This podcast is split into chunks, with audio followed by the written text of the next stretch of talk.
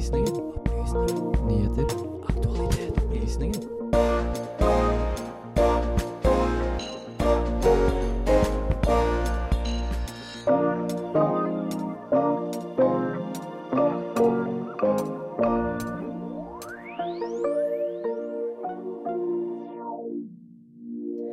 Når man flykter til et annet land, forventer man at man skal forbedre livssituasjonen sin.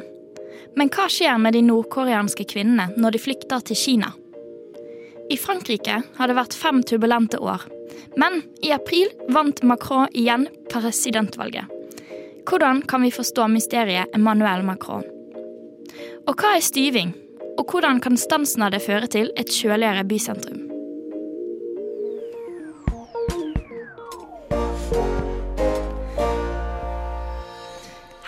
Velkommen til kavalkadesending her på Opplysningen på Radio Nova. Hvor du eh, bl.a. skal få høre litt mer om bakgrunnen til kravene Tyrkia stiller når Sverige og Finland forsøkte å søke seg inn i Nato. Videre i denne sendingen skal du òg få høre et lite utdrag av de sakene vi har hatt her i Opplysningen i dette vårsemesteret. Jeg heter Lise Benus, og det er jeg som har fått den heldige oppgaven av å ta det gjennom, eh, ta det gjennom denne gøye og litt triste sendingen. Dette slipper jeg heldigvis å gjøre alene, for med meg her i studio så har jeg Emma Nordstein. God morgen. God morgen. Og så har jeg òg Sander. God morgen. Jeg vet ikke om jeg vil kalle det en god morgen. Å nei?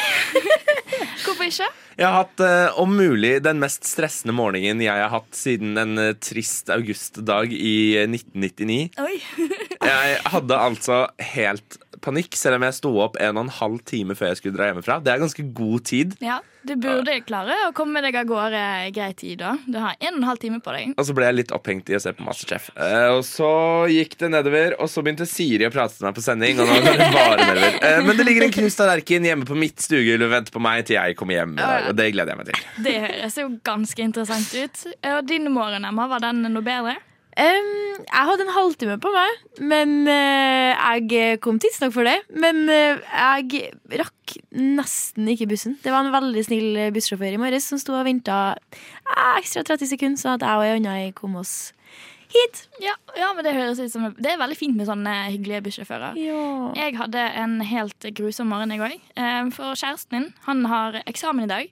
Så han hadde på jeg tror kanskje 20 alarmer på et spenn på 15 minutter. Eh, For han skulle da ikke forsove seg. Og det verste med det er Jeg har, veldig, jeg har full forståelse for at man ikke vil forsove seg, men når du har en partner på soverommet ditt, så velger ikke du den verste alarmen som finnes. For det valgte han. Han har en sånn skikkelig skjærende lyd som han har skrudd opp på maks, og han sover jo gjennom det. Det gjør jo ikke jeg. Så jeg lå og irriterte meg over det i dag tidlig. da Jeg tror du nå kan veldig identifisere deg med min samboer, som eh, ganske relativt ofte våkner opp kvart på fem når jeg skal opp om morgenen til Pelle politibil. Min alarmklokke. Ja, det, det høres ut som eh, to kaotiske husholdninger, det her. Men vi går litt videre i eh, sendingen. Her er imperialisme av verste sort, hvor hele verden er skal vi si, med i et gedigent system som er forurensende og urettferdig.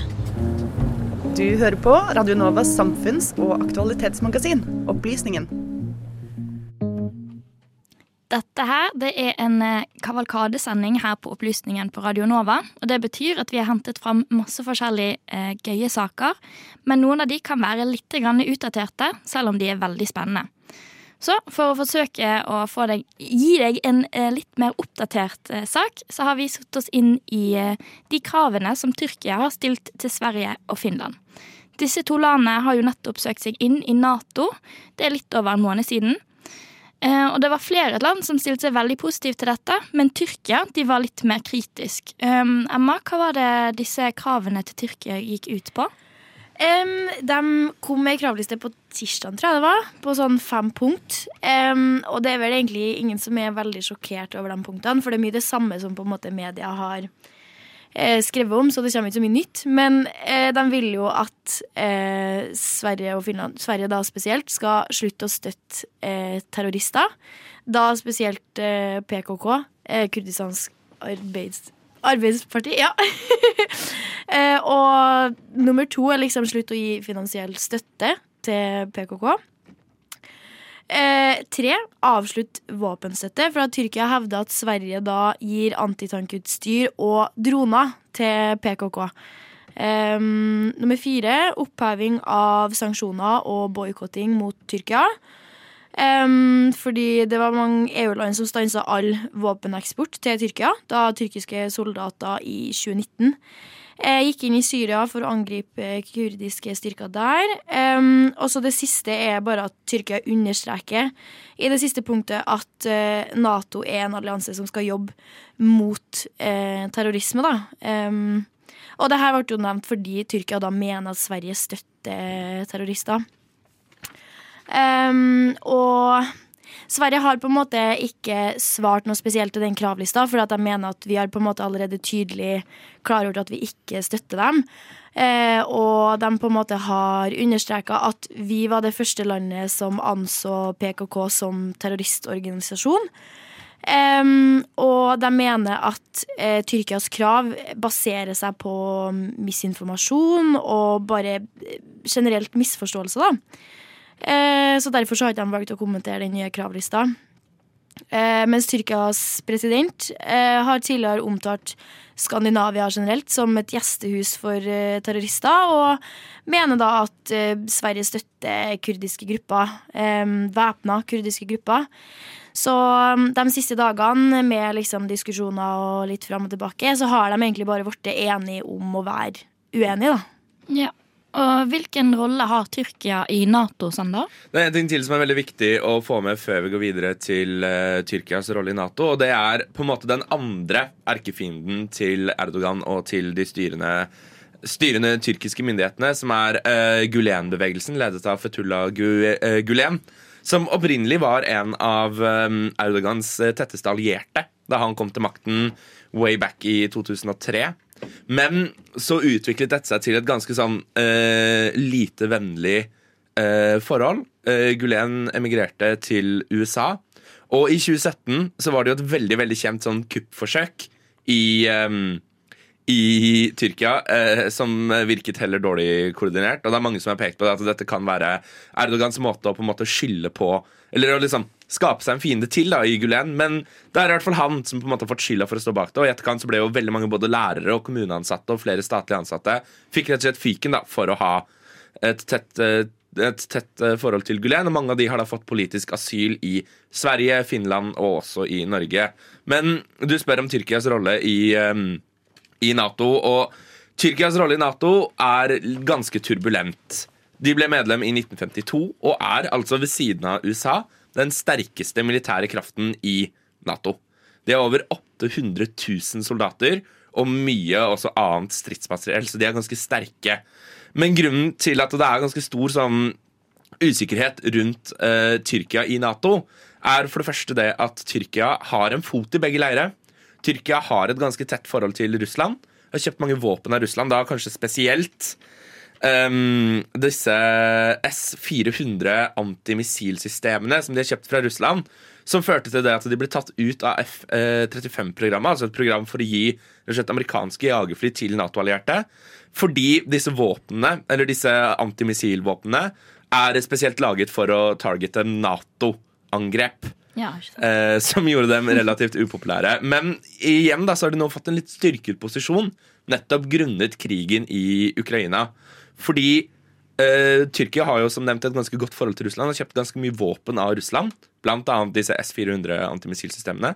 Men de har også gitt ganske mye våpen til Ukraina, da spesielt i form av droner. Og det, dette fører til det at Tyrkia har en sånn mellomposisjon i den krigen, hvor de på en måte har et godt forhold til begge sidene.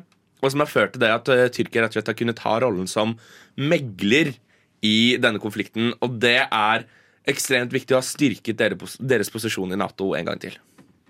Uh, hvorfor er dette så viktig for Erdogan? da, Sander? Du, Erdogan er en uh, ekstrem interessant type, og det er ganske mange grunner til at dette er viktig. For det første så merker han jo, som uh, Emma understrekte, her en ganske tydelig motstand til PKK. Og Erdogan er av mange sett på som en autoritær leder, annet av Joakim Parslov, som jobber som Midtøsten-forsker oppe ved UiO. Og han påpekte at grunnen til at Erdogan har hatt den suksessen han har hatt, er fordi han har hatt muligheten til å peke på PKK som en terrororganisasjon, Og det er fakta. Altså, PKK er blant annet anklaget for drap, ble tidlig anklaget for drapet på Olaf Palme. Grunnen til at Sverige fordømte dem og så på dem som en terrororganisasjon. Men de har også stått for altså, mer enn 100 000 menneskeliv som har gått tapt. 100 000 sivile tyrkere som har dødd i denne konflikten. Så det har vært veldig viktig for Erdogan, og det tjener han på. Um, og dette styrker da hans uh, rolle innad i Tyrkia. Fordi Erdogan står nemlig til valg innen juni 2023.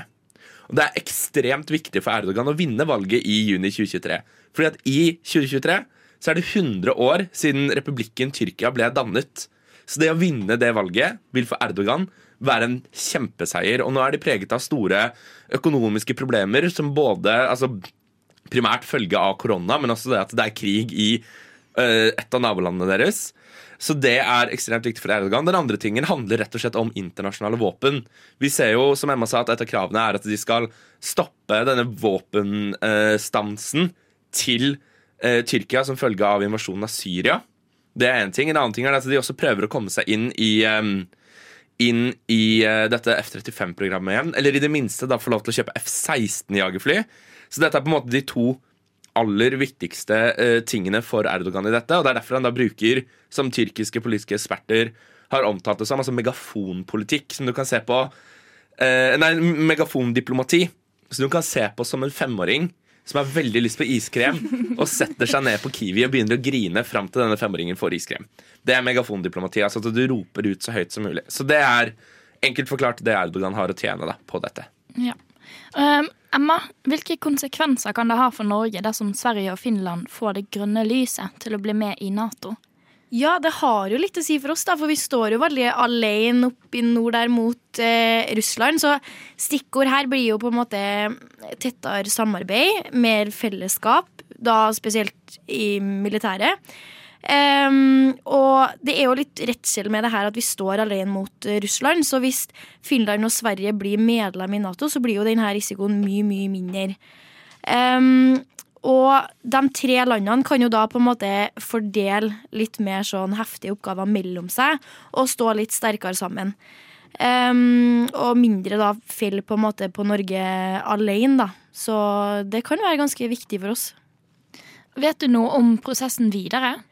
Um, det er jo et uh, Det skal jo være et stort møte i Madrid 29. eller 30. juni. Det går vel over flere dager. Der de da skal diskutere og finne ut hvor veien går videre. Uh, man kan jo ikke kaste ut Tyrkia av Nato og på en måte bare velkommen Finland og Sverige. Så det er jo en del prosesser som må eh, i gang, og en del Ja, man må rett og slett bare finne ut av det.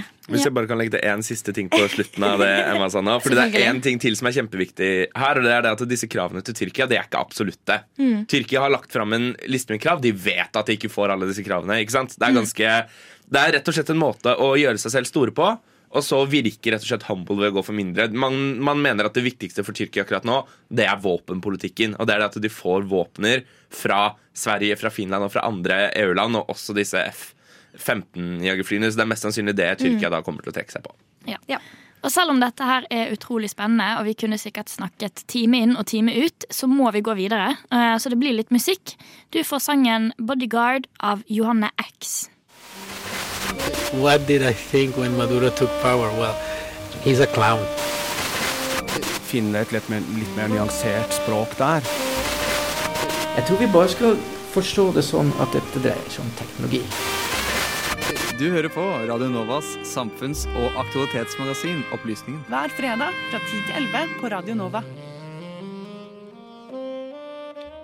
Vi her i Opplysningen sikter til å fortelle deg om historiene, sakene og debattene som andre overser. Dette inkluderer å fortelle historiene til de som ikke alltid har muligheten til å gjøre det sjøl.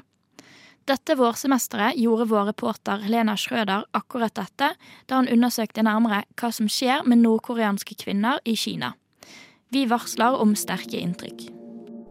Siden 1953 har mellom 100 000 til 300 000 nordkoreanere flyktet fra Nord-Korea.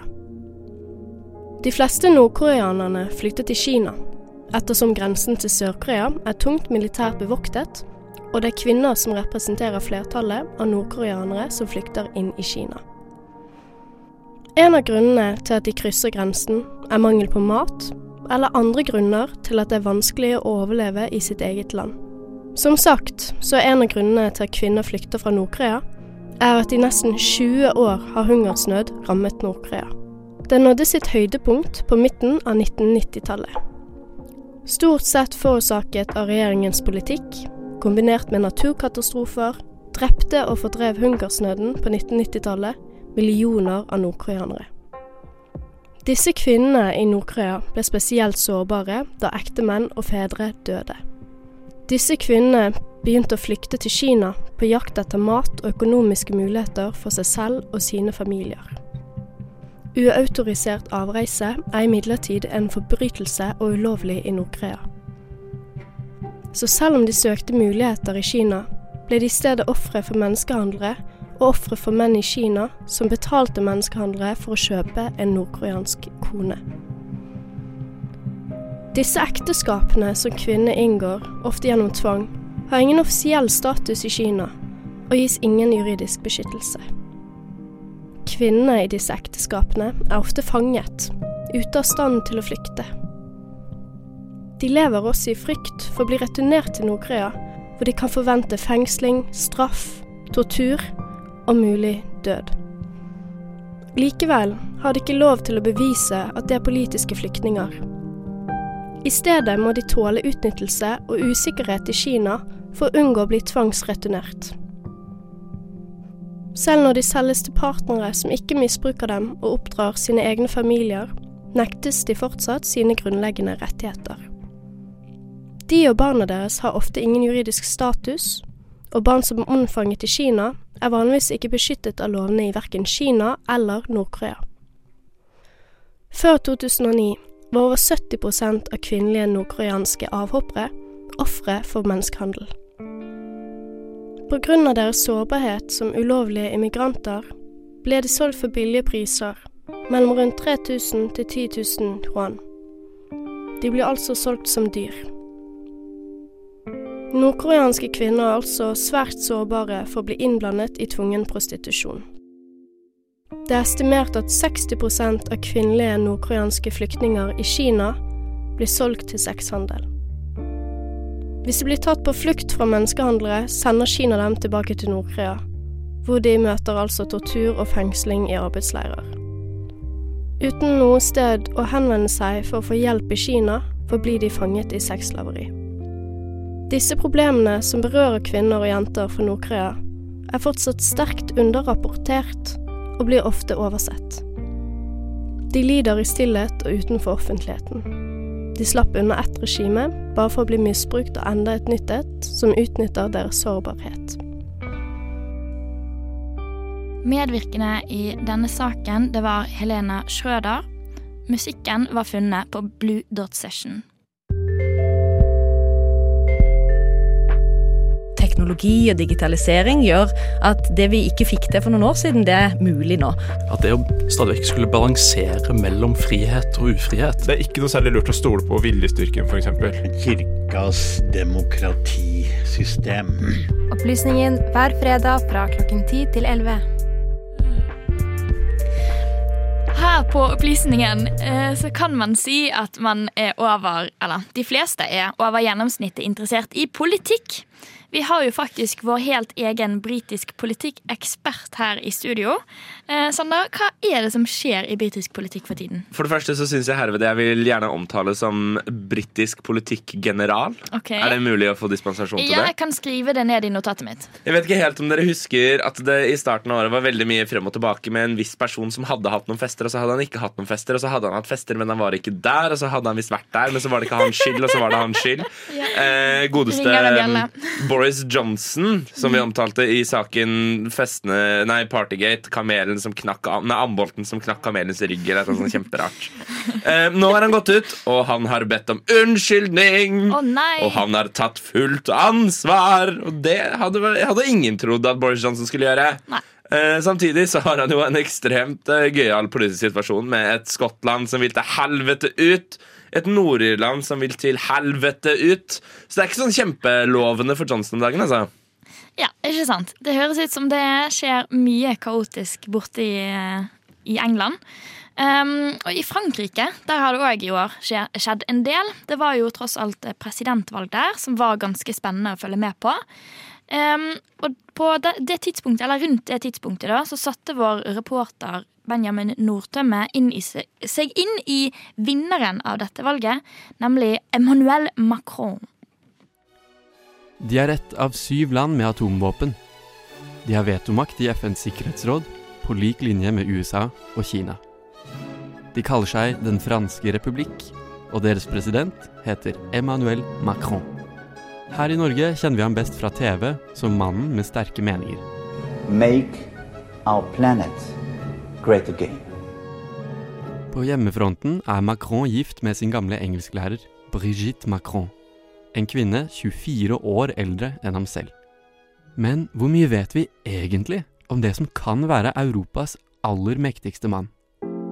Macron er fyren som bestemte seg for å kaste den gamle kokeboken til fordel for en ny oppskrift.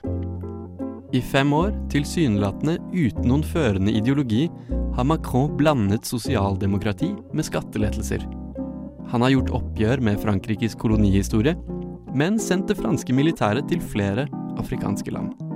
Han anklages for å være en del av Frankrikes mektige elite, men er fortsatt populær blant yngre velgere. Hvordan skal vi klare å navigere disse motsetningene? Kan det være noen lekse her, også for norske politikere? Emmanuel Macrons første møte med makten skjedde under sosialistregjeringen til forrige president Francois Hollande. Ikke lenge etterpå forlot han partiet og stiftet sin egen bevegelse, En Marche. Et helt nytt parti i sentrum som greide å være både en grasrotsbevegelse og samtidig få med seg næringslivet og de velståendes velsignelse. Macrons historie er fortellingen om et kollapset partisystem. Utenforskap, pragmatisme, mislykkede demonstrasjoner og helt nye politiske verktøy. Macron er den yngste presidenten i Frankrikes minne, og han er soleklar favoritt foran presidentvalget i april. Det kan bli ti år med makronisme i Élysée-palasset. For å forstå hvorfor må vi ta steget inn i det uforventede. Jeg kan nesten garantere deg at dette er første gang du hører om minnepolitikk. Og det er kanskje ikke helt klart hva det er for noe. Macrons minnepolitikk har tre nivåer. Økonomi, sikkerhet og republikanske verdier. På det økonomiske handler det om å gi noe tilbake til de som føler seg glemt i periferien der tidligere politikk har etterlatt seg høy arbeidsløshet. Jeg vet, jeg vet, det høres ganske tørt ut når Macron sier 'deregulere arbeidsmarkedet', men målet er å skape jobber ved å snu på et system som har gjort akkurat det så vanskelig. Det store mantraet er at gamle, rustne industribyer trenger nye arbeidsplasser. Macron har også lagt seg på en linje for å styrke Frankrikes sikkerhet.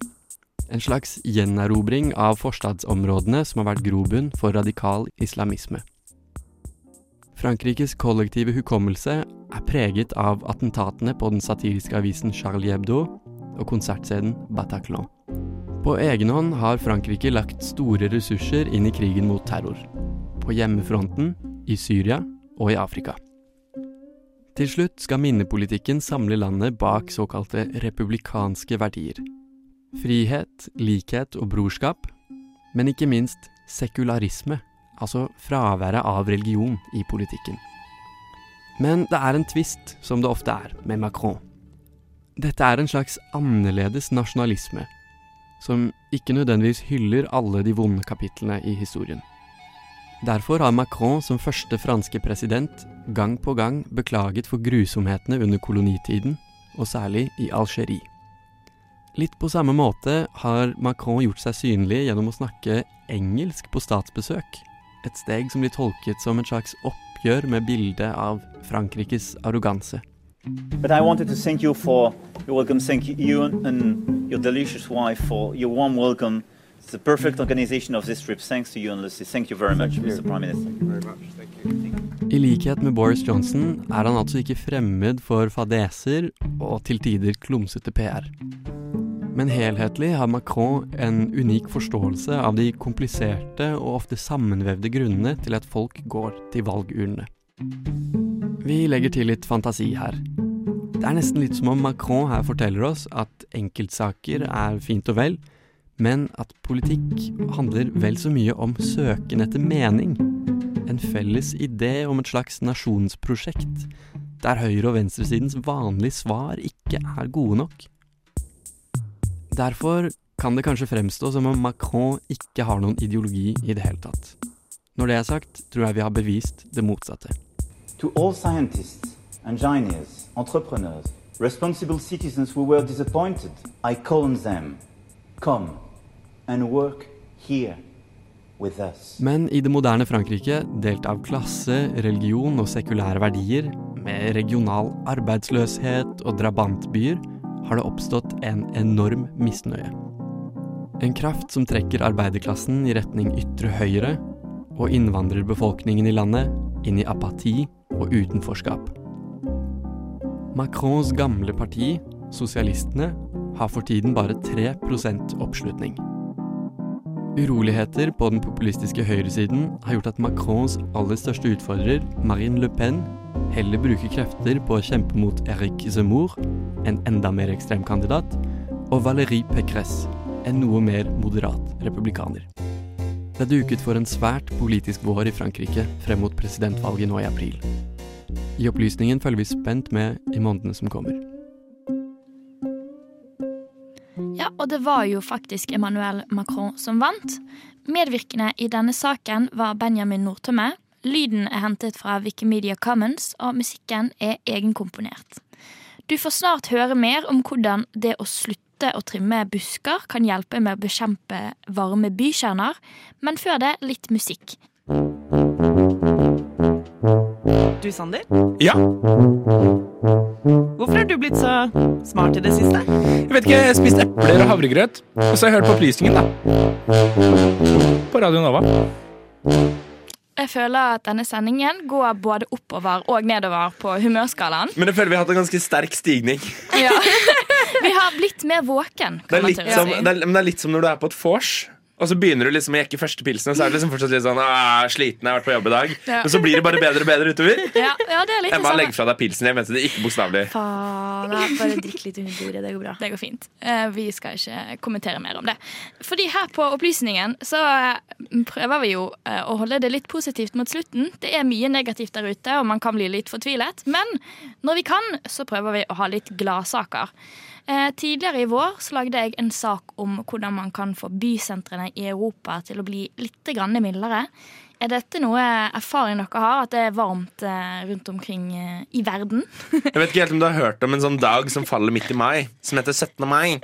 Det ringer Nei, vet du hva? Jeg, eh, vet du hva? Eh, ingen peiling. Hvor alle konstant er sånn Å, jeg håper vi får fint vær på 17. mai. Fy faen, hvis det regner på 17. mai. Å, tenk om det regner på 17. mai. Vi må ha strålende solskinn og 30 varmegrader. Det man aldri tenker over når man står og skriker om 30 varmegrader og strålende solskinn, er det at det man går med på 17. mai, er ull! Ja, det er sant, det. Og tjukk ull. Det er jo og ull fra topp til tå. Ja, det er ikke, det er ikke bare bare. Hvis man har bunad, da. Jeg hadde bare på meg kjole. Jeg hadde det ganske fint på 17. mai. Det er eh, Flertallet av norske dresser er også s- s- sånn 80 ull. Ja, fordi ja, Sant. du hadde ganske heftig eh, 17. mai, Emma. Ja, jeg betalte eh, blodpenger for et bord på lekteren. Ja. Altså bord. Et bord, ja. Et, et bord jeg skal sitte på. Mm. Og det, da måtte jeg da stå i kø i sikkert tre kvarter. I steiksol på Aker Brygge. Omringa av folk i ullbunad og ulldress. Jeg kødder ikke. Det var ei som sto attmed meg som holdt på å besvime. Liksom. Det var så intenst varmt. Det høres faktisk veldig intenst ut. Det er ikke ikke ut. rart at vi spiser så sinnssykt mye is på 17. mai. som vi gjør. Det er jo 450 varmegrader ute. Det, Ja, det, det er de gir mening. Det gir mening. Ja. Men, vi fikk kald pils da når vi kom om bord. Ja, da hjelper det alltid litt. Grann. Um, men uansett um, så er det jo sånn at det blir varmere og varmere i verden. Men i Genéve så har de funnet en mulig løsning til hvordan de kan få det litt kjøligere om sommeren. Når du går rundt i europeiske byer som Paris eller London på vinterhalvåret, så hender det at du ser noen litt merkelige trær. Disse trærne er typisk ikke særlig store. Bor man i fjerde etasje, kan man gjerne se toppen. Grunnen til at de er så små, er en tradisjonell beskjæringsmetode kalt styving. Denne beskjæringsmetoden går ut på at man lar et tre vokse til en ønsket høyde, og når dette er oppnådd, så kuttes all ny vekst av. Hvert år kommer det nye små greiner som vokser ut helt ytterst, og etter en sommer hvor byene bugner med grønne trær, klippes disse greinene av igjen. For hvert år som går, danner det seg nye vekstpunkt ytterst på greinen. Vekstpunktene kommer ut på samme område, og etter hvert som årene går, resulterer dette i at greinen får noe som ligner på klumper ytterst på greinene sine. Disse klumpene kan vokse seg større enn hoder. Denne beskjæringstradisjonen har vært vanlig i Europa siden middelalderen, hvor det i hovedsak ble brukt for å oppmuntre treet til å produsere flere greiner. Disse ble brukt som fyrved eller som fôr til dyr om vinteren. Men nå i moderne tid er det blitt stilt spørsmål til om det er for byens beste å begrense trærne på denne måten. I den sveitsiske storbyen Genéve er det satt inn et nytt initiativ relatert til styving. I Genéve skal de nemlig begynne å begrense dette. De skal i en periode på åtte år gå fra å styve hvert eneste tre til å la de vokse ut naturlig. Dette er en lang prosess der hvert tre må undersøkes av eksperter som følger nøye med på veksten av treet. Trærne må utvikle evnen til å bære sine nye greiner og blader, gradvis utvikle deres motstand mot vinden, samtidig som de sikrer at de lever i harmoni med byggene i området hvor det kan være trangt om plassen. Det er allerede 360 trær i Genéve som er i god nok tilstand til at de har bestemt seg for å kutte ut styvingen helt allerede. Eventuell påfølgende beskjæring vil bli utført på trærne er pga. veitrafikkhensyn, for å rydde trikkelinjene, pga. deres beliggenhet til bygninger eller helsen til trærne. Det er flere grunner til at byen har valgt å endre denne tradisjonen. Å ha større trær med flere blader leder bl.a.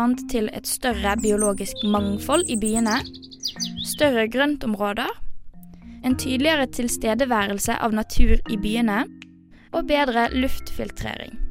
Men det som kanskje har fått mest oppmerksomhet, er at det kan redusere temperaturen i byene betraktelig. I urbane områder, som f.eks. Rue Denset eller Ruud Hoffmann, stiger temperaturen raskt om sommeren. Det oppstår såkalte varmeøyer, hvor temperaturen i det urbane området er varmere enn naturområdene rundt. Det er flere årsaker bak denne urbane varmeøyeffekten, bl.a. at mørke flater som asfalterte veier og gråe bygninger absorberer mer av solens varme, og de store og tettbebygde områdene gjør at det er mindre vind. Det at byen får et økt bladedekke, vil over tid skape kjøligere og mer skyggebelagte områder. De voksne trærne vil gi skygge til tusenvis av mennesker som daglig går i byens sentrum, og som ønsker å nyte det fine været i sommermånedene. Medvirkende i denne saken var meg, Lise Benus. Musikk var hentet fra Blue Dot Session. Neimen, Bertil, da! Ja? Har du glemt å høre den siste episoden av Opplysningen på Radio Nova? Har nok det. Men da kan du jo bare høre det som podkast når du vil. Å, det skal jeg jammen meg gjøre! Ja, Som sagt så føler jeg liksom energinivået er alltid på topp når vi skal avslutte en sending. For vi må nok dessverre runde, eh, snart runde av her på Opplysningen. Jeg trodde men, du eh, sa Snato. Nei, nei, jeg sa ikke det. Jeg sa ikke det. Sveriges nasjonale transatlantiske forsvarsorganisasjon, Snato. nei, nei, nei, nei. Jeg sa. Eh, Vi er snart nødt til å runde av her på Opplysningen 99,3. Men ikke skru av radioen, fordi at studentnyhetene kommer etter oss, og de skal ha masse interessante greier. Kan jeg få lov til å meddele samtalen jeg hadde med vedkommende som har studentnyhetene i dag? Selma. Bull, som skjedde ut på bakrommet her før vi gikk på lufta. Spurte jeg Selma, er det noe som skal tises? Hun sa nei, det er bare drit alt sammen. Men hør på studentnyhetene, da! Ja, de har, de har som regel noe gøy, og så er det alltid hyggelig. Nei, nå Nei, de Opplysningen. Vi er ikke hovmodige. Nei, da, absolutt ikke. Eh, hyggelig å høre på de, da. Men har dere noen helgeplaner, Emma? Eh, jeg skal jobbe, eh, og så er det jo en viss fotballkamp på lørdag. Som Tenker du på finalen i Champions League? Nei. Mye mer spennende fotballkamp. Hva skjer etter denne fotballkampen, Emma? Det er kosing og grilling i parken. Hinter du til noe spesifikt her nå, Sander? Nei, eh, jeg skal bare fortelle at jeg skal se helt sinnssykt mye Masterchef i helgen. Ja, fordi at hvor, hvor lang tid tok det før du så ferdig? Hva var det, sesong 11? Sesong 10. Sesong 10? Hvor lang- Begynte i går. Ja, Vi er ferdig i dag. Ja, ikke sant? så der har vi dine helgeplaner på plass, da, eller? I hovedsak ma Masterchef. Masterchef Australia. Ja. Nei, eh, USA. Ja. Because I love fucking Gordon Ramsay. Mm. Jeg, jeg, skal, jeg har mye kulere planer enn dere. Jeg skal, bare, eh, I, I, I fucking love Gordon Ramsay, ikke I love fucking Gordon Ramsay. Det var Veldig viktig oppklaring der, altså. Eh, men i alle fall Bare sånn fantasere om Gordon Ramsay mens du ser Ok, Medvirkende i denne sendingen har vært Helena Schrøder, Benjamin Nordtømme og Lise Benus. Tekniker det har vært vår eh, god klump bort på hjørnet her. Sander. I studio har jeg hatt Sander på besøk eh, og har hatt Emma. God helg til begge to. God helg.